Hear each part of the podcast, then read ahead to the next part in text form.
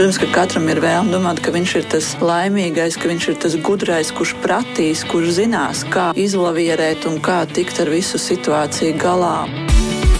Skola un augšana, attiecības un sadzīve, fiziskā un emocionālā veselība. Par šo un daudz ko citu raidījumā ģimenes studija. Jā, labdien, redzījums ģimenes studija sāk savu skanējumu. Jūs sveicināta producenta šodien ir Liena Vīmba, mans vārds ir Agnese Linka. Kā jēgpilni izmantot digitālās tehnoloģijas, lai radītu aizraujošu un radošu mācību procesu pirmsskolā? Par to nesen spriests kādā Rīgā notikušā starptautiskā konferencē, bet kāda tad ir digitālo vietu tehnoloģija bērnu dārzā? Kas ir digitālā pratība un ko tas īsti nozīmē, kā izpaužas, vai digitāla mācība risinājumi jau ir ieviesti un tiek plaši lietot Latvijas pirmsskolā? Skolās. Par to šodien parunāsim ģimenes studijā, un sarunas dalībnieces būs mm, bijusi skola 2030 vecākā ekspertē, arī pirmsskolas izglītības iestādes maziņš kā jūra vadītāja Arita Lauka. Labdien! Pirmskolas izglītības iestādes Kates māja vadītāja arī Rīgas um, Tehniskās universitātes pētniece, lektore Evija Mierķevī. Labojiet, ja nav pareizi. Jā, Ketes māja esam. Labdien! Paldies. Ketes māja, jā, labi, viens burts arī svarīgs taisnība. Rīgas pirmskolas izglītības mārdaga vadītāja Solvita Ceriņa arī dzen kopā ar mums ģimenes studijā šodien. Labdien! labdien. Un Latvijas Montesori asociācijas valdes priekšsēdētāja, viņa pārstāv pirmskolas izglītības iestāde Pēļu māja, vadītāja dibinātāja Zana Baltgāja. Labdien! Labdien! Piedāvājam klausītāji arī jums, kā vienmēr, iesaistīties sarunā ģimenes studijā. Ja ir kādi komentāri, viedokļi, pieredzes vai jautājumi, jūs droši varat sūtīt ziņu redzījumam ģimenes studija. Mūsu WhatsApp numurs WhatsApp platformā ir 25660440. Un, protams, varat kā vienmēr arī sūtīt rakstisku ziņu redzījumam no Latvijas radio mājaslapas, atrodot pogu nosūtīt ziņu. Tātad esat aicināti pievienoties šai diskusijā, ja jums ir kas sakāms, piemēram, par to, vai jūs prāt digitālā pratība ir tāds būtisks pirmsskolas eh, mācību elements. Bet vispirms, pārskatot eh, ģimenes studijas tematikas plānus, es um, gāju cauri, skatījos un atradu, ka par digitālo pratību pirmsskolās eh, pavisam plaši vesela raidījuma garumā esam runājuši 2020. gada pavasarī. Tas visiem mums bija tāds īpašs, ja atceramies, nesen bijām saskārušies ar pavisam jaunu realitāti pasaulē. Apmēram divus mēnešus tobrīd plosās pandēmija, dzīve ir pārcēlusies lielākoties uz ekrāniem, un mēs eh, mājā kādā radījumā diskutējam par tēmu, vai un kādi digitālie mācību līdzekļi nepieciešami pirmsskolās Latvijā. Tāpēc pirms mēs sākam šodien šodienas sarunu, es gribu ievadam atskaņot fragmentu no šīs m, toreiz notikušās sarunas. Paklausīsimies, ko saka Latvijas Universitātes izglītības un zinātņu, uh, izglītības zinātņu un psiholoģijas fakultātes, pārsauktā fakultāte, tad šobrīd jau dekāna Linda Daniela mums droši vien ir jādala tā pasaule pirms un pēc. Tā, kas noticis ir pasaulē šajā marta periodā, kad mēs visi atslēdzāmies no analogās pasaules. Tad, kad mēs aizgājām visi strādāt ekrāna otrā pusē, martā, tad eh, nu, mēs strādājām ar studentiem, skolās strādājām ar skolēniem un arī pirmsskolas mēģināja kaut ko darīt ar tiem bērniņiem, kurus pirmsskolu nenāca. Un es domāju, ka tie pedagoģi, kas tajā brīdī uzskatīja, ka visiem bērniem jāsit pa pirkstiem un nevajag mums nekādas digitālās ierīces, droši vien, ka liela daļa arī ir šo uzskatu kaut kādā veidā mainījuši. Bet man ļoti gribētos pieturēties pie domas, ka nevis bērns dodas tajā digitālajā vidē vai virtuālajā vidē un tur kaut kādā veidā pazūd, bet um, tie ir tādi vienkārši soļi, kad bērns izprot nu, to būtību. Otrs, kas mums ļoti būtiski ir, ir šis pieaugušā klātbūtne. Kad pieaugušais pats saprot, ko viņš dara un kā viņš bērnam var palīdzēt. Tāds kā nu, vadošais cilvēks, kurš saprot, kurā brīdī kā var palīdzēt, parādīt, ko mēs varam izmantot, uh, un vai mēs tur ejam dabā un kaut ko nofotografējam, un pēc tam veidojam kaut ko klāt un skatāmies, kādu vēl mēs informāciju vai par kukaini vai par putnu varam atrast. Tas ir brīnišķīgas lietas. Mēs varam viņam mācīt patiešām no maza vecuma, mēs varam mācīt uh, programmēšanas prasmes, mēs varam mācīt izpratni, kā tas veidojās. Izklausās traki. Ir sevišķi mēkšķi paudzes, kas paši nesaprot, kā lietas tiek programmētas un ko nu mēs tagad mazam bērnam darīsim. Bet šīs te, digitālās kompetences mums ir ļoti plašā aspektā jādomā, kā viņas varētu celt materiāli, ir mums vajadzīgi, to nu, šis laiks ir pierādījis, un ir vajadzīgi viņi arī secīgi, jēdzīgi, nu, tā kā vecuma posmam atbilstoši. Mēs nevaram paņemt un paredzēt, ka tagad bērns trīsgadīgs eh, visu dienu pavadīs spēlēsies ar digitāliem mācību materiāliem. To nedrīkst darīt. Bet, ja tas tiek integrēts kopā ar aktivitātēm, ja tas tiek integrēts tādā analogā pasaulē, lai to paplašinātu, lai atbalstītu gan bērnu, gan skolotāju, nu, tam ir jānotiek. Tur vienkārši vairs nav nekādu, man liekas, jautājumu nevienam. Par to ir jādomā un par to ir jāstrādā. Un gan pedagogi, gan vecāki noteikti varētu arī mums piekrist šobrīd. Un ir patiešām daudz, jau ir iestrādes, bet nu, skaidrs, ka mums ir daudz kas vēl darāms. Tātad, kā celt digitālās kompetences, par to jādomā ļoti plašā apjomā, pasvītrošu šo citātu 20. gada mājā. Tā ģimenes studijā pauž pedagoģijas profesora Linda Daniela.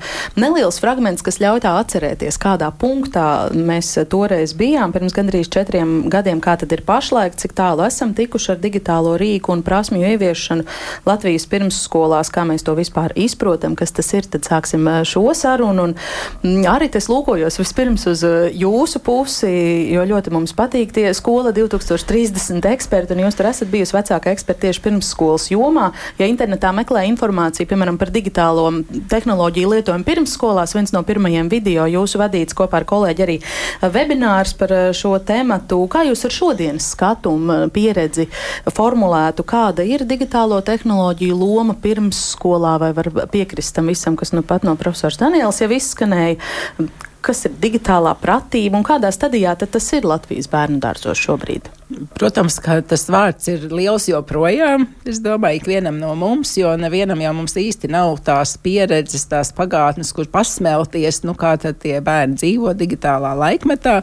Un, lai gan digitālais laikmets patiesībā jau droši vien sākās pirms tā 20. gada, tas tomēr bija nu, tāds pagrieziena punkts. Ja? Lūzuma punkts. Jā, Pilnīgi lūzuma punkts jā, visiem mūsu dzīvē, un tas iedeva kaut kādu pātrinājumu, bet uh, joprojām svarīgas ir tās lietas, par kurām runāja gan Linda Daniela, gan par kurām mēs runājam webinārā. Tas joprojām ir aktuāli. Pirmsskolas bērns ir pirmsskolas bērns. Protams, ka viņš dzīvo šādā citāda veida uh, laikmetā, citādā dzīvē. Viņš piedzimst digitālā pasaulē, kur mums nevienam šeit nav skaidrs, kas tas ir. Bet uh, mūsu uzstādījums, domāju, joprojām ir tāds, ka ir digitāls skolotājs digitālā pirmsskolā, kurš atbalsta to mazo bērnu, nu, iet uz priekšu, ja dzīvot. Nu, patiesībā viņš jau dzīvo tajā pasaulē, un tie sasniedzamie rezultāti, kurus mēs plānojam, lai bērns šajā laikā apgūtu, nu, ir, ir viņam tiešām sasniedzami. Ja? Tātad, pirmkārt, tie, tie noteikti būtu ieradumi. Ja? Tātad ieradums jēgpilni lietot kādas digitālas ierīces, to to saturu ja, un to pašu ierīci kā tādu, uh, jo mēs zinām, ka ieradums izveidojas ļoti, ļoti tādā ilgstošā laika periodā. Pirmskolas vecums ir ārkārtīgi svarīgs, un tur bērni uzsūc. Ja. Nu, tātad nu, to būtu svarīgi nepazaudēt un tieši tam pievērst uzmanību, ja, kā jēgpilni lietot tās digitālās ierīces, ko tas bērns jau var darīt. Eh, tā otra lieta, kas līdz ar to iet līdzi, ko es gribētu uzsvērt, ir tā pieaugušo nozīme. Ja? Mēs sakam, modelē. Nu, tā tad bērns noskatās, ja? viņš vēro, ko dara pieaugušie. Un es jūtu, ka nu, jau es ar bažām kādreiz jautāju, nu, tur, jeb saku, eh, tu rakstīsi tā kā mamma vai tētis, jo varbūt mamma vai tētis nemaz tā to pildspalvai zīmolu nelietoja. Toties telefonu noteikti lieto. Lieto visi. Un ienākot pie mazulīšiem grupiņām, man uzreiz kāds jau skrien pretī ar klucīti. Es saprotu, ka nebūs jābūvē māja, bet būs jāatbild uz telefonu zvanu. Ja, tā tad jau pirmsskolā ienāk tādi bērni, kur to ir redzējuši. Viņi jau ir piedzīvojuši. Ja, tad ieradums, tā mūsu atbildība rādīt, kā to dara jēgpilni un um, izmantot to saturu, nu, to, kas bērnam ir vajadzīgs. Ja, ka skolotājs izvēlas, à, mēs nevaram zemūdenē tagad nokļūt, paskatīsimies. Ja, bet tas viss ir ar pieaugušā atbalstu, pieaugušais vienmēr klāt. Jā, bērns ir pieredzējis, viņš redz, zina, atšķir. Tās biežāk lietotās ierīces, jā, bet es domāju, nevienā brīdī nav domāts, ka viņš patstāvīgi tagad sērfos pa, pa, pa visiem mhm. tādiem. Vēl viens jautājums jums, kā, kā šajās skola 2030 eksperta kurpēs bijušai, vai jūs varat vērtēt, vai kopš 2019. Mm -hmm. gada rudens, kad patiesībā bija tas brīdis, kad tieši pirms skolās, un tās Jā, bija uzsāk. pirmās izglītības iestādes, kur tika mm -hmm. ieviesta tā sauktā kompetenci pieeja, pilnveidotais mācību saturs, vai ir bijis tāds vienots, nu tad es nezinu, ministrijas līmeņa uzstādījums, ka mācīsim digitālo pratību un kā mācīsim? Tāda nu, pirms... definēta vienota vīzija vīzija. Jā, pirmsskolā mums, eh, teiksim, to sasniedzamo rezultātu nosaka pirmskolas izglītības vadlīnijas, jā, un tās jau ir no 18. gada. Tā, un tur tas tur, digitālais tur tas ir, ir pāris, pāris teikumiņi ir tieši par to, ko es teicu, jā, par ieredumu lietot tās ierīces un, un izmantot. Un lietot jēgpilni. Un lietot jēgpilni, jā. Eh, tā kā tādā ziņā, nu, tur, protams, ļoti plaša iespēja katram nu, atkal īstenot to savu, savu versiju. Ja? Vienlaicīgi es domāju, ka pārējais, kas ir vadlīnijās, nosaka. Kā tam bērnam ir jāmācās? Ja, ņemot vērā pirmsskolas bērnu vispār to veidu, kā viņš darbojas, kā viņš mācās, nu, kā tam līdzsvaram tur noteikti vajadzētu parādīties, un tas tur ir starp analogo un digitālo pasauli. Ja, par, tā analogā ņem virsroku. virsroku jā. Jā, bet par to Absolūti. digitālo tur pāris teikumiņi. Tiešām, jā. jā. Mm. Labi, Evija, kā jūs, jūs bijāt klāt gan manis pieminētajā šajā te konferencē par digitālo pratību pirms skolā un arī ikdienā vadāt uh, privātu bērnu dārzu, esat arī Rīgas Tehniskās universitātes pētniece. Kā jūs raugāties uz šo no visām tām jūsu profesionālajām pozīcijām? Um, kā konferencē runāju par eh, mākslīgo intelektu skolotāju darbā, tad šeit arī tajā, ko uh, jūs jau minējāt, un kas parādās, jebkuras vadlīnijas, lai izpildītu, ir jābūt skolotāju digitālajām prasmēm. Un tad, kad es rakstīju savu doktora disertāciju un veicu pētījumu par skolotāju digitālajām prasmēm, tajā laikā, kas patiesībā bija 19. un 20. gads, attiecīgi man nav jaunākās informācijas, bet ir nu, jau trīs, eh, gandrīz četrus gadus sena. Un tajā laikā jāatzīst, ka pirmsskolas skolotājiem bija viszemākās digitālās prasmes. Attiecīgi, jau tad izlasot vadlīnijās, ka viņam būtu jāmāca jēgpilni lietot, tad šeit ir svarīgi, lai skolotājs būtu pirmais, kuram būtu iespēja lietot šīs ierīces. Un, un viņam lai ir jāiemāca jā. pašam, jā, tā, ko, ar, ko ar to ierīci var iesākt.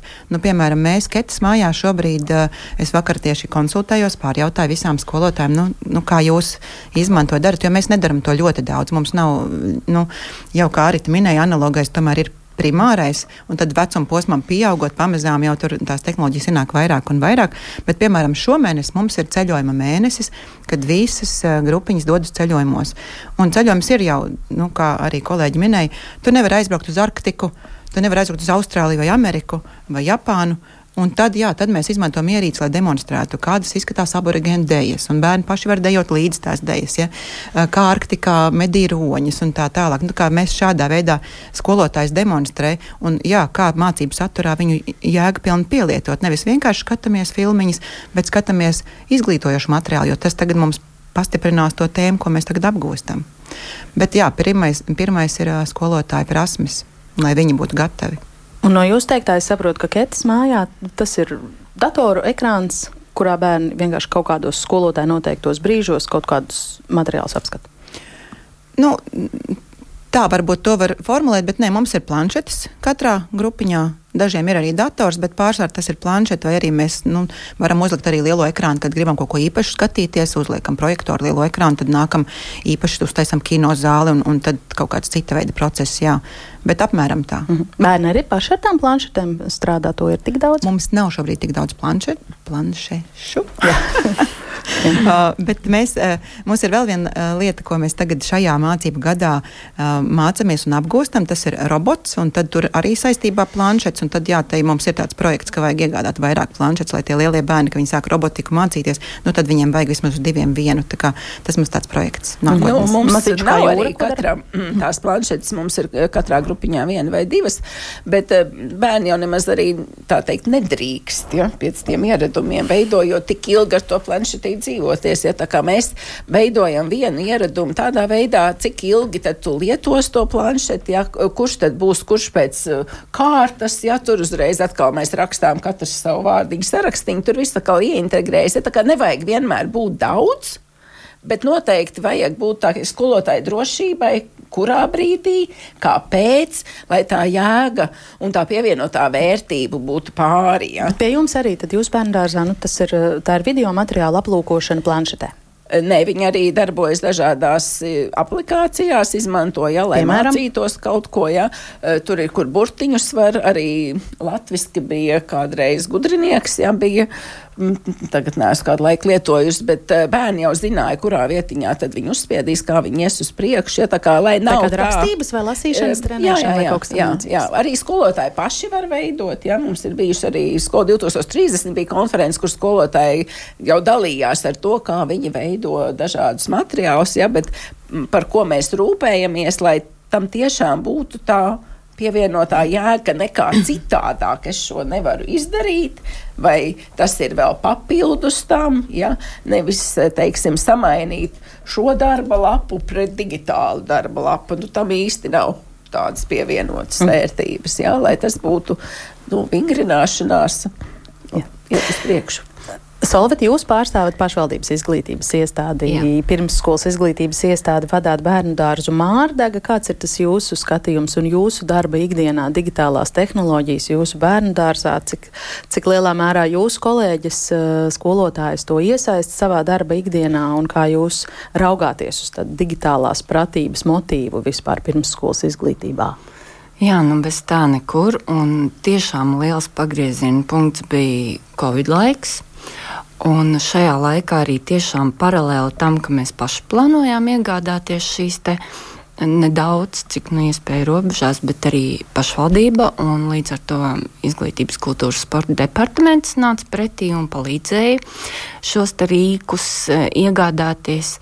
Un uzsvars tika likts uz tā, ka pirmais ir um, jāmāk pašiem pedagogiem skaisti ar glanci strādāt ar šiem rīkiem. Jēgpilni un līdz ar to arī iesaistīt uh, šo visu mācību procesā. Un ņemot vērā, ka jūs saprotiet, ka tas darbinieku vecums iestādēs ir um, no 20 līdz 60 plus meitenes strādā, uh, tad uh, iet visādi pamazām bet iet un apgūstam kopīgi. Un pašlaik jāsaka, ir ļoti laba lieta, ka uh, sāk parādīties arī šie kursi. Piemēram, tika pieminēts tā, tie botiņi, robotiņi, mm -hmm. bitīte, pandiņa. Nu, versijas ir dažādas. Uh, līdz ar um, šo robotiņu uzrašanos um, tiek piedāvāti arī kursi, lai apgūtu ne tikai ieslēgt, izslēgt, bet arī tiešām ar pamatojumu, kāpēc nepieciešams. Jo viens ir pastumdīt um, robotiņu, tāpēc ka robots, tāpēc ka jauns, otrs ir to visu iesaistīt apgūstamās, tātad jau par planšetēm, datoriem, ekrāniem, interaktīviem tika pieminēts, bet arī ar šo te mazo ņipro robotiņu palīdzību var apgūt jebkuru tēmu, vai ne? Un tā, tā jau arī tur ir tie programmēšanas elementi. Kā tad tas notiek? Nu, pastāstiet uh, īsi par tiem robotiņiem uh, īsti. Piemēram, jā, uh, tā tad ir tā secība, ko var, kādreiz varbūt ar zariņu, čiekuriņu, zariņu, čiekuriņu, liekot šo rindu, ievērojot secību, es nezinu, un, mm. un, un tā tālāk varētu gari plaši. Uh, šie robotiņi darbojas pēc tāda paša principa. Tātad bērns saprot, ka noteikta viņa uh, dotu komandu uh, sistēma liek strādāt šim robotiņam, nonākot pie tā gala rezultāta. Nu, tas tā ļoti īsi vienkārši. Un, ja vēl to visu robotiņa ceļu uh, sasaistā ar apgūstamo teiksim, tēmu. Bērns ir ieinteresēts. Bērns ir ieinteresēts, un tas jau ir dažādi, un tas, tas jau ir, kā saka, tie, tie programmēšanas pamati jau, jau savā ziņā tiek ielikti. Jā, tas nozīmē, ka jūs arī kādu no saviem pedagogiem sūtījāt uz kādiem kursiem, kur tika mācīts strādāt ar šo robotu komplektu. Jā, bija tāda iespēja, un, un mēs arī izmantojām eh, skolotāju, kurai ir vēlme, interese un arī dotības apgūt šādas lietas, tika uh, apmeklējusi kursus. Uh, Eh, kas ir, ir tie mācību konsultanti, bet ir arī teiksim, digitalizācijas konsultanti, varbūt tā viņi nosaukt. Un, un, un ļoti jauki izmantot jēgpilni visas piedāvātās platformas, um, arī veidot pašai um, šos mācību materiālus. Un, un attiecīgi, jā, tie robotiņi patīk. Mhm. Un cik tad jums to robotiņu ir? Mums iestādē? pagaidām ir trīs.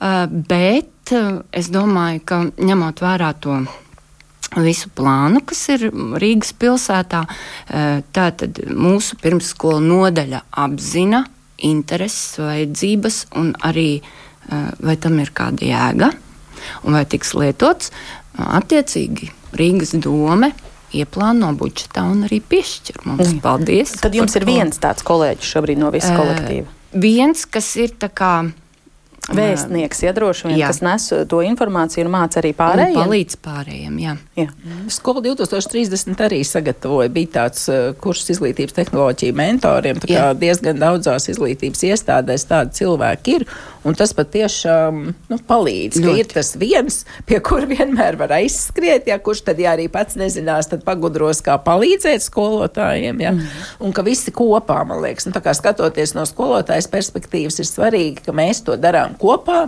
Mēs zinām, ko, kāpēc, kāpēc, kāpēc mēs ar robotiņiem darbosimies un, un, un tad mācāmies. Mm -hmm. Ko pārējie uh, kolēģi, teiksim, kādā ziņā ir digitalizētas citas grupas, kurā nestrādā šī viena skolotāja vēstniece digitālā? Uh, arī pārējie izmanto mm, interaktīvi ekrāni.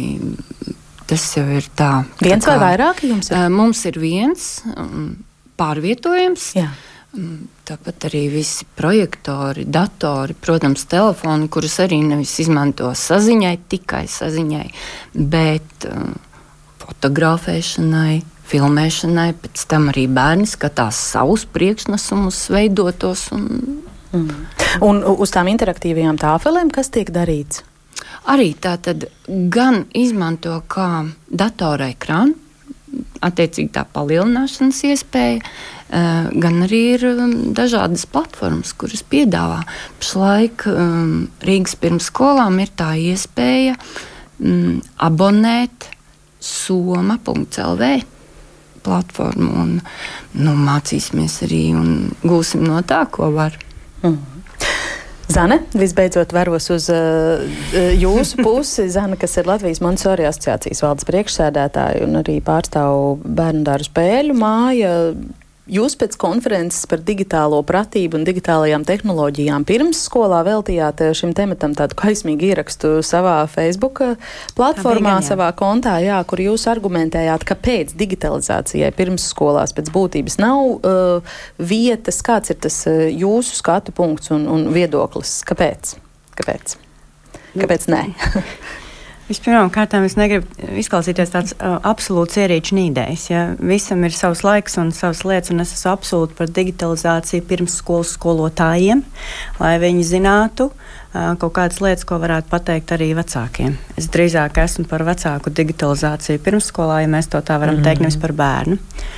Un, uh, tas mans kopējais viedoklis ir tāds, ka es joprojām esmu pārliecināta par to, ka bērns pirmajā vecuma posmā attīstās sensori motori. Un tas nav vienkārši mans ezotērisks izgudrojums, bet tas tā patiešām ir.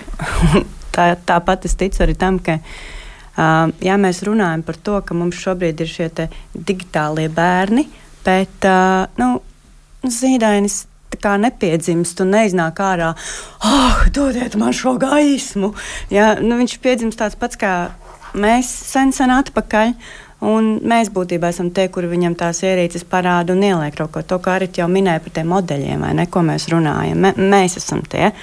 Un ņemot vērā tādas uh, zinātniskās vadlīnijas un to, kā bērnu smadzenes attīstās, mums pētnieki līdz divu gadu vecumam ekrāna laiks ir noteikuši nulli. No divu gadu vecuma līdz četru gadu vecumam tās ir 15 minūtes divreiz dienā, kopumā 30. Jā. No 4 līdz 6 gadu vecumam tas laiks var tikt palielināts līdz pusstundai, plus vēl kaut kam. Jā. Un arī tajā 2-4 gadu vecuma posmā pat neiesaka arī tās 30 minūtes. Un tas mans skatījums ir tāds, ka nu, būsim reāli mūsdienās, cik daudz ir to bērnu es nerunāju par pirmskolas vidi, bet par mājas vidi, kuri pavadītu tikai 30 minūtes ierīcēs. Uh, es domāju, ka ārkārtīgi maz. Un, uh, nu, ja neiesaka, Tā tad tam ir pamats. Es šobrīd neiešu ļoti dziļi iekšī, iekšā mm, pētniecībā par kognitīvajām pēc tam prasmēm un tā tālāk, ja, bet tam ir pamats. Un līdz ar to es esmu pārliecināta par to, ka mums kā pirmsskolai vēl papildus tam, kas mājas vidē viņam tiek dots, ja kaut kādas lietas uh, bāzt, piedodiet, iekšā vēl šīs ierīces un visu, visu pārējo. Es neuzskatu, ka mums tas būtu jādara. Ja, jo ir kaut kādas lietas, kuras absolūti piekrītu, ko arī dāmas šeit kolēģis minēja par to saturu. Mēs savā iestādē arī, protams, vecākiem bērniem um, mums ir viena ierīce, ne mums ir trīs ierīces. Magnetofons, kopētājs mums ir, un mums ir arī projektors. Un, uh, ja man bērni vecākie posīsies uz dabas muzeju, kur būs izstāde par lāčiem, visticamāk, skolotājs viņiem uzliks kaut kādu National Geographic multfilmu ar metru, metru distanci, kur viņi skatīsies šo īso multinīti par lāčiem, izglītojošo pēc kārta, kā ievedam, viņi pēc tam dosies uz to muzeju un tā tālāk. Bet citādi À, nu vēl jāpiebilst par tiem robotiem. Jūs runājat, mums ir atsevišķs ārpakalpojums, kur vecākie bērni, kuri vēlas viņu iet šo robotikas pulciņu, viņi apmeklē. Ja? Bet nekādas citādas ierīces mums nav, un es arī viņām neredzu nu, tā tādu pamatojumu. Jo, ja mēs runājam piemēram par, par burtiem un, un planšeti vai digitālo tāfeli, kur viņš vispār izvelk burtus kājās stāvot, nu, tas nav tas pats process. Tas nav tas pats. Ja? Tev vajag smadzenēm prast izsvērt, ar kādu spēku tu iedarbojies uz rakstām rīku, lai tu būtu veiksmīgs rakstītājs. Un savienot burtiņus kopā ir sarežģīti. Ja tas prasa tev muskuļu piepūli un visu pārējo, tas nav tas pats sensorais impulss, kas jau tev to darot kājās stāvot, citā kustībā, eh, kaut ko viegli velkot uz, eh, uz digitālās tāfeles vai velkot uz tāds. Ja? Vai arī tāda prasme, kā pārbīdīt pa ekrānu nezinu, kaut ko tur apģērbt sniega vīru. Nu, es to arī neuzskatu par tādu prasmi, kas tāda būtu vitāli nepieciešama pirms skolā. Tā jau arī ātri apgūt. Jā, jā. Tur, tur jau tā lieta, un tad es vairs neredzu jēgu vienkārši no tā visa. Kāpēc nu, kā to mm. mākslīgi pievilkt un mākslīgi darīt? Ja? Mm. Ta, tas ir mans subjektīvais viedoklis. Man šķiet, ka mums ir tik daudz lietu, ko mēs ar bērniem varam darīt citādi, lai atbalstītu to viņa smadzeņu struktūru veidošanos, jo mēs zinām, kā veidojas smadzenes. Caur impulsiem, caur sensoriem tie ir mūsu maņas kanāli, kas to visu veido. Un, bet, protams, ja mēs runājam par šo te cik man liekas, es tūlīt.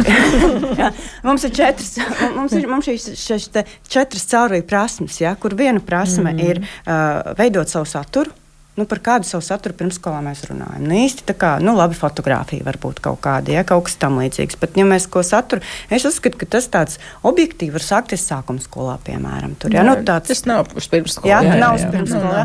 Otrā ir komunikācija un sadarbība. Nu, tas nu, arī pirmsskolā, vai ne? Mums arī tie tas nav, viss jā. ir tāds tieši tā. Mm. Mums atliek tikai to, ko tu minēji par tiem ieradumiem, vai ne? Mm. Par tiem ieradumiem. Mm. Un, un par to es saku, jā, jā ok. Jā. Ekrāns liels, desmit minūtes filmiņu par lāčiem. Jā. Jā. Vai šeit ir pretruna tajā, ko saka Zane, un tajā, ko raksturo kā tās vīzijas un vadlīnijas raksturo pārējie un realitāti? Evī gribēja ko komentēt. Es gribēju jā. par, um, piebilstot uh, Zanes teiktajam uh, par pētījumiem. Tātad, kad, kamēr es arī rakstīju savu disertāciju, daudz meklēju par digitālajām prasmēm, par visām kompetencijām, attīstību un tā tālāk. Un tad es atradu arī bija interesanti pētījumi Zviedrijā veikti, kur, um, piemēram, jau un par pirmsskolu. Tātad deva bērniem pirmsskolā planšetēs lietotne. Tur kaut kas bija jāapgūst par asins ķermenīšiem, mm -hmm. kā mhm. viņi tur pārvietojas, baltie, sarkanie, kaut kas tur tāds. Pirmsskola. Uh, jā, nu, lūk, nu, kā ideja, tātad mēs varam parādīt, jo citādi mēs nevaram cilvēku ķermeni parādīt. Mm -hmm. nu, tā kā te varētu noderēt šī ierīce vai ne. Bet stāsts bija kāds. Viņa bērnam bija uh, dota šī lietotne, kur bija spēļ, spēles veidā pasniegts. Un, uh, par pieaugušā klātbūtni runājot, tikko tas pieaugušais parādījās blakus un gribēja kā, rekomendēt, kā tā spēle būtu jāspēlē, bērnam interesi momentā pazuda. Uh, jo viņam neinteresē pieaugušā klātbūtne tajā brīdī, kad viņš vienkārši grib paspēlēties. Savukārt rezultāts par to, ka viņš vienkārši grib paspēlēties, neviens nebija sapratis, ka tie ir asins ķermenīši. Viņi domāja, ka viņi spēlē mašīnas pa kaut kādiem kanāliem un, un, un tur uh, trasi. Mhm. Ko mēs no šī varam no secināt? Mēs varam secināt tieši to, ko Zani saka. Nu, nav vajadzīgs aizvietot kaut ko, kam nav jēgas. Ja? Un, uh, Nu, jā, nevienmēr bērns dara to, ko tu domā, ka viņš dara. Tas bija galvenā atziņa, kad arī vecāki iedos mācīties tagad valodas, tev tur nezinu, kaut kādu tur iedod valodas pro, tur lietotni. Nevienmēr viņš to dara un saprot vispār, jā, viņš tur kaut ko spiež, kaut kas notiek. Bērni bieži gāj uz to, ka viņi krāj tos tinkšķīšus, kad kaut kas mm -hmm. ir. Viņš tikai dzenās ātrāk, lai tur to tinkšķītu. Viņš vispār nesaprot, par ko tas tinkšķīts bija. Mēs varam spriest, varbūt zemapziņā viņš kaut ko iemācījās. Es... Bet no, zinātnieki to apšauba. Jā, tas viens paldies to par šo. Es labprāt īsīs piebildīšu par to. Arī nervu sistēma veidojas pirmajā vecuma posmā viss, kas notiek, tev rada impulsus. Tu nevari izveidot stabilu nervu sistēmu, dzīvojot nepārtrauktā cirkulā, nepārtraukti tikšķīšus taisot un vēl kaut kādas lietas. Tas atsauksies uz visu tavu dzīvi un uz visām tavām tālākajām intelektuālām, psihoemocionālām prasmēm vienkārši. Jā, bet jūsos klausoties, tad man tagad ir noformulēts tas man šis svarīgākais šīs dienas jautājums. Vai mēs tuvojamies kaut kādā, kaut vai vīzijas līmenī vai virzības līmenī tam, ka tas bērns pirmsskolā varētu pats sēdēt, kā Evija raksturoja, ar planšu planšeti rokā un kaut ko tīkšķināt vai kaut ko spēlēt. Es ceru, ka. Tas ir emocijas. Tad, tad, tad, tad par ko ir bažas? Tad varbūt um, viss iet tajā pareizajā gultnē. Skolotāju digitalizācija, vecākajiem bērniem nedaudz robotikas eh, pulciņš, uh, video materiālus iespēja gandrīz visiem ir apskatīt liela formātā no šeit klātesošajiem -hmm. interaktīvās tāfeles, projektori un viss kārtībā. Nu, baža ir, jā, jo katrs jau mēs to īstenosim citādāk. Tā mhm. digitālā paskolotājs, katra, ģimene, protams, grupā, un katrs skolotājs katrā grupā, katrā iestādē to redz citādāk. Tā digitālā pasaule mums nāk. Nu, viņa nāk virsū, viņa te ir, jā, aiz pirms skolas. Viņa jau ir uznākusi. Jā, jā un tā tad cik mēs būsim zinoši, prasmīgi, turpināt to iesākto un nelikt klāt pie mm. tām divām pamatprasmēm eh, vēl kaut ko, ja? vai nepakļauties tam, ka ir simt un viena aplikācija, ja, ja mums viņas nevajag, ka mēs to jēgu nepazaudējam, ka mēs atbalstam bērnu viņa iz, pasaules izziņas procesā, jo ja viņam par asins ķermenīšiem nav, neka, viņam tas neko nedos absolūti, ja viņš ābolu nebūs nogaršojis, pasmaržojis, tas digitālais ābols viņam nenozīmē pilnīgi neko kā kaut kāda krāsaina zīmējuma. Jā, vairāk par krāsiņām viņš tur arī neko nevar ieraudzīt. Mm. Man šķiet, ka mēs esam atbildējuši arī uz klausītājs, arī Zanes jautājumu, kura komentāru, kura uh, saka, ka viņa klausās un brīnās uh, par uh, ekspertiem, kas turpina uzstāt uz digitālo prasību pirmsskolās, jo nesen tieši ģimenes studijas raidījumā ticis stāstīts, ka Zviedrijā no digitālā atgriežas atpakaļ pie pildspalvas un pie grāmatām, jo digitālo pratību bērni iemācās paši, bet rakstīt un lasīt, diemžēl, vairs uh, ne nemāca. Jā, es tam, es tam pilnībā piekrītu. Un, un es ļoti, ļoti priecājos arī paldies par šo. Par šo komentāru, ko arī tu teici, ka tās bažas īstenībā ir tikai un vienīgi par to interpretāciju. Jā, par to arī bija mans šis ieraksts. ieraksts jā, attiecīgi, jā. Ka nav jau mēs nevaram izvairīties un aizvērt acis un pateikt, ka tas viss nenotiek. Bet, ja mēs esam savas jomas eksperti, tad lūdzu uzvedamies tā Jā, tad saprotam, kas tad ir tas, kas ir vajadzīgs. Nevis baidāmies, ka neizpildīsim programmas, caurvies to, to un to un šito, un sākam, piedodiet, nejēdzīgi likt iekšā lietas, kuras nu, ir absolūti bērnam neatbilstošas. Ja, par to es, es esmu tikai bažīga par to interpretāciju, spēju nointerpretēt un saprast, ko tad daram, ko tad nedaram. Mm -hmm. Jā, man liekas, tāda uztraukuma par to, ka bērns varētu kādu prasmi tur neapgūti. Ja? Man liekas, nav bērni ir tik pē, nu, ieinteresēti ja, tādās, jebkurā lietā patiesībā. Nu, jā, ja, viņi ir tādi specifiski īpaši, īpaši ekrānos, tur es saprotu, ka krāsaini, tur mainās tās bildītas tik bailes ātri, ir par jā. to, ka tā rakstība vai lasība tiek, tiek trenēta nevis uz lapas, bet mm. varbūt tajā interaktīvajā tāfelē. Nu, tas droši vien būs mazliet pēc tam, ja, jo nu, būtībā nākamais sākuma skolas pīzda tests droši vien būs ar digitālo lasīt prasmi. Ja? Tā kā nu, nekur jau mēs no tā neaizbēgsim, bet pirms skolā ir jāapgūst pamatlietas. Jā.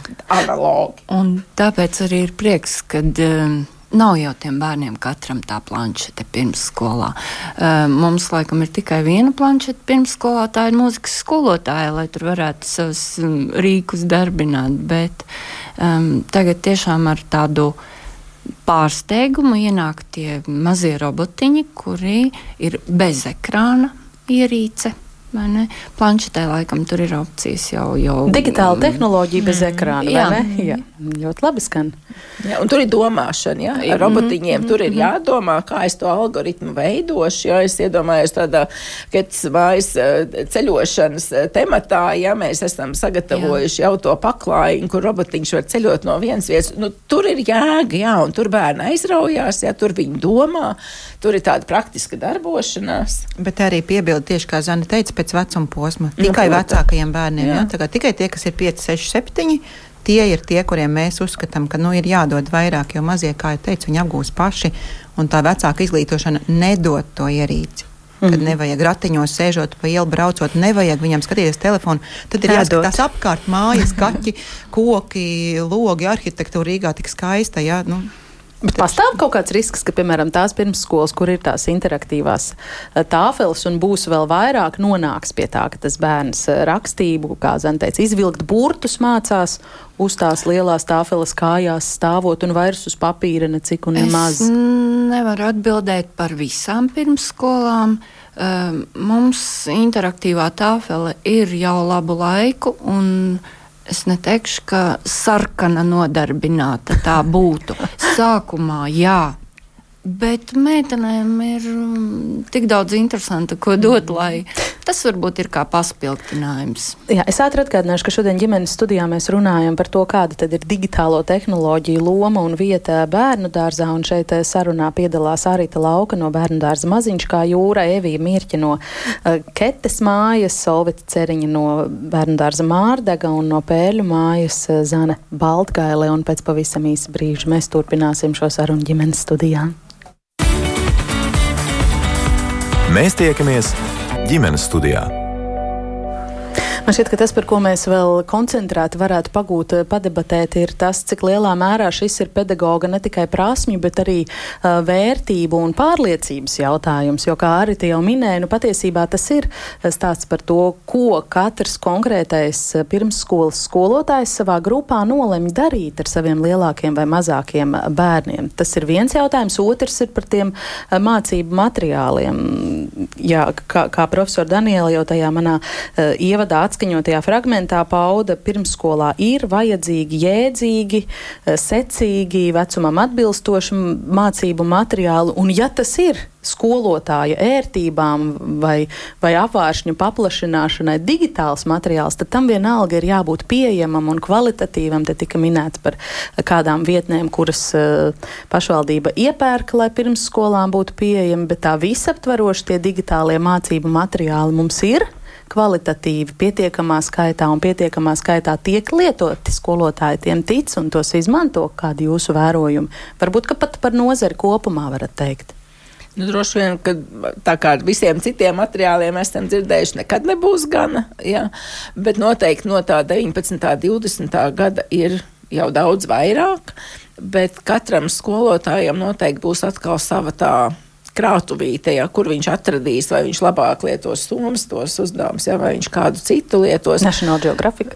jā, nu, jā, ar to mēs redz, nevaram sacensties. Es domāju, tas ir mm. tas, ko es domāju, mēs arī gribētu, lai par Latviju ja, ir tādas atslēgas pirmsskolai vai ne, bet, nu, Tas ir tas ceļš, kur mēs varam vēl iet. Esmu redzējis, ka Igauni tur arī kaut ko tādas tādas nu, mūtenītas tieši, nu, ka viņš būtu latviešu valodā, mm. jā, ka būtu tieši par to tēmu. Nu, tur mums vēl ir ko darīt, bet eh, principā es domāju, ka ir daudz vairāk. Par šiem četriem, par šiem četriem gadiem nekā bija tad, kad mēs vispār sākām domāt par šo priekš pirms skolas. Evī, jūsu vērtējums? Es nevaru šo komentēt, man nav ne jausmas. Salvit. Vietnes ir daudz, man ir prieks, ka negluži katru un kā, kā pamatu izmanto tas pedagogs savā darbā, jo tur, paldies jums, sevi, es biju konferencē un man atvēra acis viens tāds primitīvs piemērs - mākslīgais intelekts, vai ezim drīkst dot pienu. Mēs katrs savā vietā runī atvērām šo platformu, kur mākslīgā interneta, intelekta vietni un uzrakstījām šo jautājumu, cik dažādas bija atbildes. Un tad tas man tā, nu, ne jau atvēra acis, bet es sapratu, ka internets ir bezgalīgs. Piedāvājumi ir daudz par naudu, Facebook, vēl kādās vien vietnēs.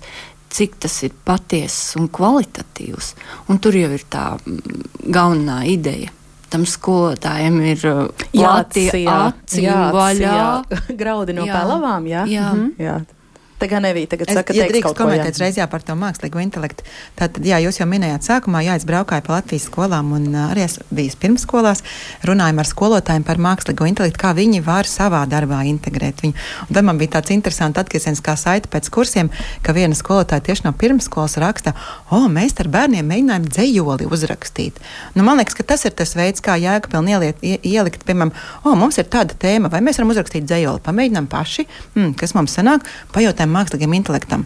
Nu, nesanāca pārāk labs un smieklīgs. Viņš latviešu valodu tik labi vēl neprot. Ja?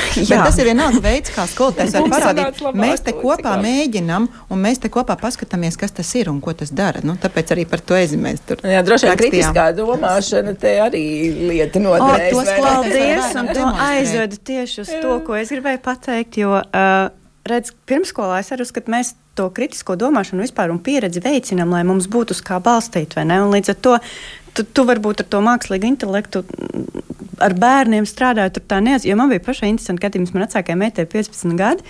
Un mēs nesen uh, tieši sēžam, un viņi saka, mamma, nosauc man piecas valsts uz, uz S burtu.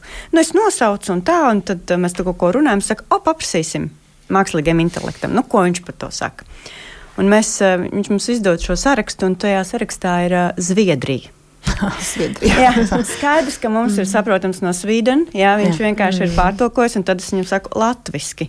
Ko viņš izdarīja? Viņš vienkārši Sloveniju, Slovākiju nomainīja. jā, un, bet, bet tas, tas kas ir skolu kontekstā, ne, ne, ne. šis, ko piemērs mums rāda.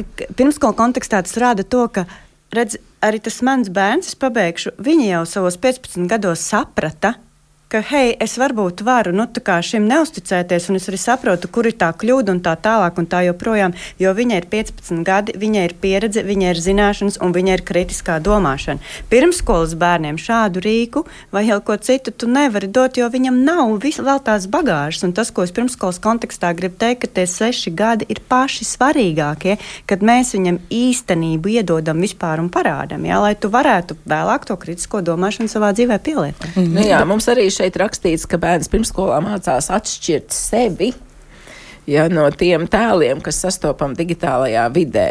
Ja, cik mēs skatāmies, un, un kā bērni aizraujas ar to visu, tad mm -hmm. nu, tā ir liela mācīšanās. Saprast, ka tas ir pavisam kaut kas cits nekā tas, ko mēs te dzīvojam. Nu, jā, bet tāds eh, skola 2030 līmenī nav šādas, piemēram, pakotnes, kā tagad modernais vārds, mm. ar digitāliem mācību materiāliem, kas būtu pirmsskolu pedagogiem tieši domāti. Vai ir? Nu, tā, Mūsu tajā vidē tur eh, mēs jau liekam tos materiālus, ja, bet, nu, es, kā es saku, tas jau bija tikko sākums, sākums visam. Mēs arī mēģinājām piemeklēt pie tematiem atbilstoši, mm. ja, bet tur noteikti nav tik daudz, cik mums visiem gribētos, ja, ka tas ir jāturpina darīt. Nu jā, kad klausītājums norāda arī uz LSM bērnistabu, kur mm, ir saturs, jā. kas veidots pēc mm. pirmsskolas uh, vadlīnijām. Jā, domājot vēl par tiem resursiem, kas nepieciešami, lai digitālās tehnoloģijas ienāktu pirmsskolās. Daudz, kas jau te ir ticis nosaukts. Ģimenes studija bija interesanta, tāpēc mēs uzrunājām Rīgas domas izglītības departamenta direktora padomnieci izglītības tehnoloģiju un inovāciju jautājumos Zana Bitenieci, lai viņi mums pastāst, kāds ir galvaspilsētas, kur mums visvairāk to pirmsskolas izglītības iestāžu koncentrējas. Pašvaldības tieši redzējums uz eh, šo tehnoloģiju pirkumiem, attīstību, vīziju, kā tas varētu turpmāk Rīgā būt. Paklausīsimies Zemes Bitenieces teiktajā. Ja mēs skatāmies tieši uz Rīgas pašvaldību, tad mūsu pārziņā ir 146 eh, pašvaldības dibinātas pirmskolas izglītības iestādes, un pašvaldībā izdara ieguldījums gan uh, infrastruktūrā, kas ir iegādāta tehnoloģija, sakārtoti tīkli, lai būtu interneta pieslēgums. Ieguldīts arī tiek uh, pedagoģu tālākā attīstībā, lai būtu vieglāk mācīt uh, šīs digitālās prasmes. Digitālā prasme tas būtu īstenībā atbalsts esošā satura apguvēja. Jo nav jau noslēpums, ka mūsdienu bērni vairāk ieinteresējās, ja viņiem ir dažādas mācību metodas, un tas būtu rīks, kas papildinātu vai iespēja, kas papildinātu apgūt uh, pamatprasmes, kas ir gan lasīt prasme, gan matemātika, gan rakstīt prasme, arī savas identitātes apzināšanās, kultūras vērtību apzināšanās, ka tas ir papildus rīks, iespējas, kā šos priekšmetus eh, pedagogiem mācīt. Rīku un iespēju kopums, ar kuru papildināt uh, esošo saturu. Pieņemsim, uh, ja mums ir bērndārzā interaktīvā tāfela, ja mēs, pieņemsim, burtus uh, varam atspoguļot arī kaut kā interaktīvā veidā, un bērniem eh, mācīt, eh, mācīt burtus un lasīt prasmes ar šādu veidu, tas noteikti viņiem varētu arī būt interesantāk. Vai šīs digitālās tāfeles vai citi tāda veida tehnoloģija piemēri, vai tā jau ir realitāte Rīgas pirmsskolās? Jā, ir jau mums Rīgas pirmsskolas, kas ar to darbojās. Pagājušā gada nogalē arī vairākām pirmsskolas iestādēm tika iegādāti programmēšanas un robotikas sākuma komplekti, kas ir paredzēti agrīna vecuma un um, bērniem pirmsskolas vecumā. Un šos te rīkus un, un iespējas arī mm, bērni jau sāks apgūt, tagad sākot no februāra mēneša. Un, ja mēs skatāmies tieši uz šo komplektu lietojumu, tas ļoti attīst loģisko domāšanu un matemātikas prasmes. Cik no 144 jūsu minētajām iestādēm ar šādām tehnoloģijām jau ir aprīkotas un, un kādi ir tie nākotnes plāni? Jā, pagājušajā gadā mēs 28 šādus pamatu komplektus pašas izglītības iestādes iegādājās. Šajā gadā vēl 37 ir plānots, bet arī pirms tam mums jau ir bijušas šādas, šādas iegādes. 60 pāri noteikti jau ir iestādēm šādas pamata robotikas komplektiņi. Nu, protams, arī ir dažādas šīs mācību platformas, kas arī atbalsta gan pedagogus, kur jau ir sagatavoti mācību materiāli, ko lietot uz šīm interaktīvajām tāfelēm. Nu, tos ir attīstījušas gan mūsu vietējās mācību organizācijas, kas strādā izglītības jomā un, un rada saturu un veido šo saturu. Un arī tas mums ir plānā iegādāt šādas pieejas, lai pedagogiem atvieglotu darbu un padarītu nodarbības interesantākas un saistošākas un ietvertu šīs digitālās prasmes. Es gribētu arī uzsvert, es uzskatu, jā, ka šo digitālo prasmu mācīšanās pirmskolā ir ļoti svarīga, lai apzināti jau laicīgi mācītu bērniem, kādas ir tās iespējas un tajā pašā laikā riski un draudi lietojot gan tehnoloģijas, gan esot eh, šajā vidē. Protams, ka primāri vienmēr ir bērna attīstība un labklājība, bērna intereses un vajadzības. Bet eh, šajā procesā tomēr ir jāiet līdzi laikam un mācību procesā jāintegrē šī digitālā pratība. Bet tas nekādā mērā neizslēdz to, ka bērniem ir jādodas gan eh, dabā, jāpēta viss, bet kā to papildināt un varbūt ātrāk nonākt pie tās informācijas, varbūt var ātri uzreiz pedagogs kopā ar bērniem izlasīt, ka viņiem nav jānēsā līdzi grāmata, bet ja viņi ir devušies mežā, tad ieinteresējās par konkrētu augas sugu, viņi uzreiz uz vietas var atrast informāciju, kas tas ir, vai tas ir indīgs, vai tas ir eh, ēdams augs un tā tālāk. Izmantot un atbalstīt uh, izglītības procesu, tas ir uh, galvenais tehnoloģiju lietojuma mērķis izglītībā. Ģimenes studija. Tālāk Zana Bitiniece no Rīgas domas. Nu, tātad pēc tam vēl noskaidrojām, ka katrā Rīgas domas eh, pirmsskolas izglītības grupā esot portatīvais dators vietālrunis ar to galvaspilsētas pedagogi ir aprīkoti un pirks vēl 42 interaktīvi ekrāni pēdējos trīs gados Rīgas bērndārzos nonākuši un, un, un būs vēl vairāk. Īsās pa pusminūtītē replikas, varbūt kādi komentāri par šo. Es gribēju pateikt, kā pēdējo tādu no savas puses, ka man reizēm ir uh, skumji par to, ka mēs domājam, ka tas bērns ir kaut kāda inerta būtne, kas mums ir nepārtraukti jāieinteresē ar kaut ko.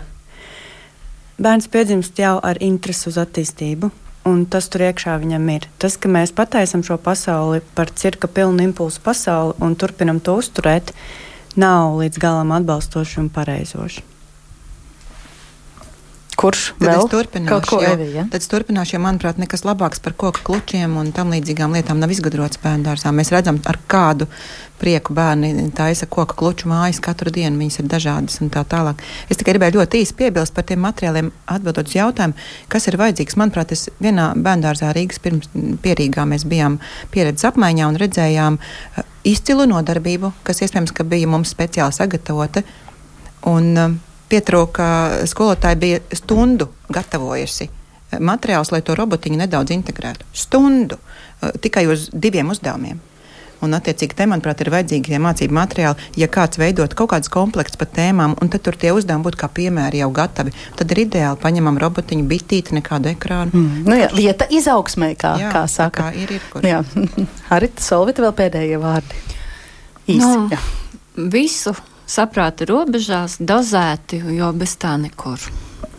Lai bērniem garšīga, smaržīga, skanīga, kustīga pasaule, un tad jau viņi to digitalizēs. Jā. Daudz arī interesanti klausītāji komentāri. Es ceru, ka turpināsim šīs sarunas eh, vēl kādreiz. Agnese arī raksta, vai esat dzirdējuši, ka Japānā un arī Ziemeļvalstīs atkal aizvien vairāk uzmanības tiek pievērsts bērnu prasmei rakstīt ar roku, eh, jo to neattīstot tiek kaut pārlikts pāri noteiktam attīstības posmam. Arī jautājums par to, vai šāda digitalizācija nodarbībās var palīdzēt bērniem ar īpašām vajadzībām, ar disleksiju vai autismu. Arī par šo noteikti kādreiz ģimenes studijā varam eh, runāt izvērst un plašāk, jo tas noteikti ir temats, kas eh, prasa vismaz pilnu raidījumu laiku. Un, eh, jā, kāds klausītājs mums arī raksta, noslēgsim tad ar anekdotu. Viesības pieaugušie sēd pie galda. Mazs puika ap trīs gadiem pieiet pie loga, aiz loga mazs putniņš kaut ko knābā uz zemes, un zēns pieliek rociņu pie stikla, lai ar diviem pirkstiem mēģinātu šo attēlu iezūmot. Nu, lai tas putniņš ir lielāks tajā bildē aiz loga, viesi esot bijuši sajūsmā. Paldies visiem, kas piedalījās šodien redzījumā ģimenes studija, dalījās ar savām zināšanām un pieredzi Arita Lauka, Evija Mirķa, Solvita Ceriņa un Zānē Baltkailē par raidījumu tapšanu šodien gādāja Liena Vimba, pie skaņu pults bija Aleksandrs Šaicenovs, Toms Šits pie video un mans vārds ir Agnese Linka. Rīt ģimenes studijā mēs tiksimies ar Gasiņu ģimeni no Salaspils. Viņi ir vecāka saudzina četras meitas, jaunākās no tām ir dvīnas, tad ar viņiem un par viņiem saruna arī ģimenes studijā, kā vienmēr no diviem līdz trījiem. Klausieties mūs arī podkāstos, mobilajā lietotnē un sekojiet radījumam ģimenes studijas sociālos tīklos uz sadzirdēšanos. Paldies!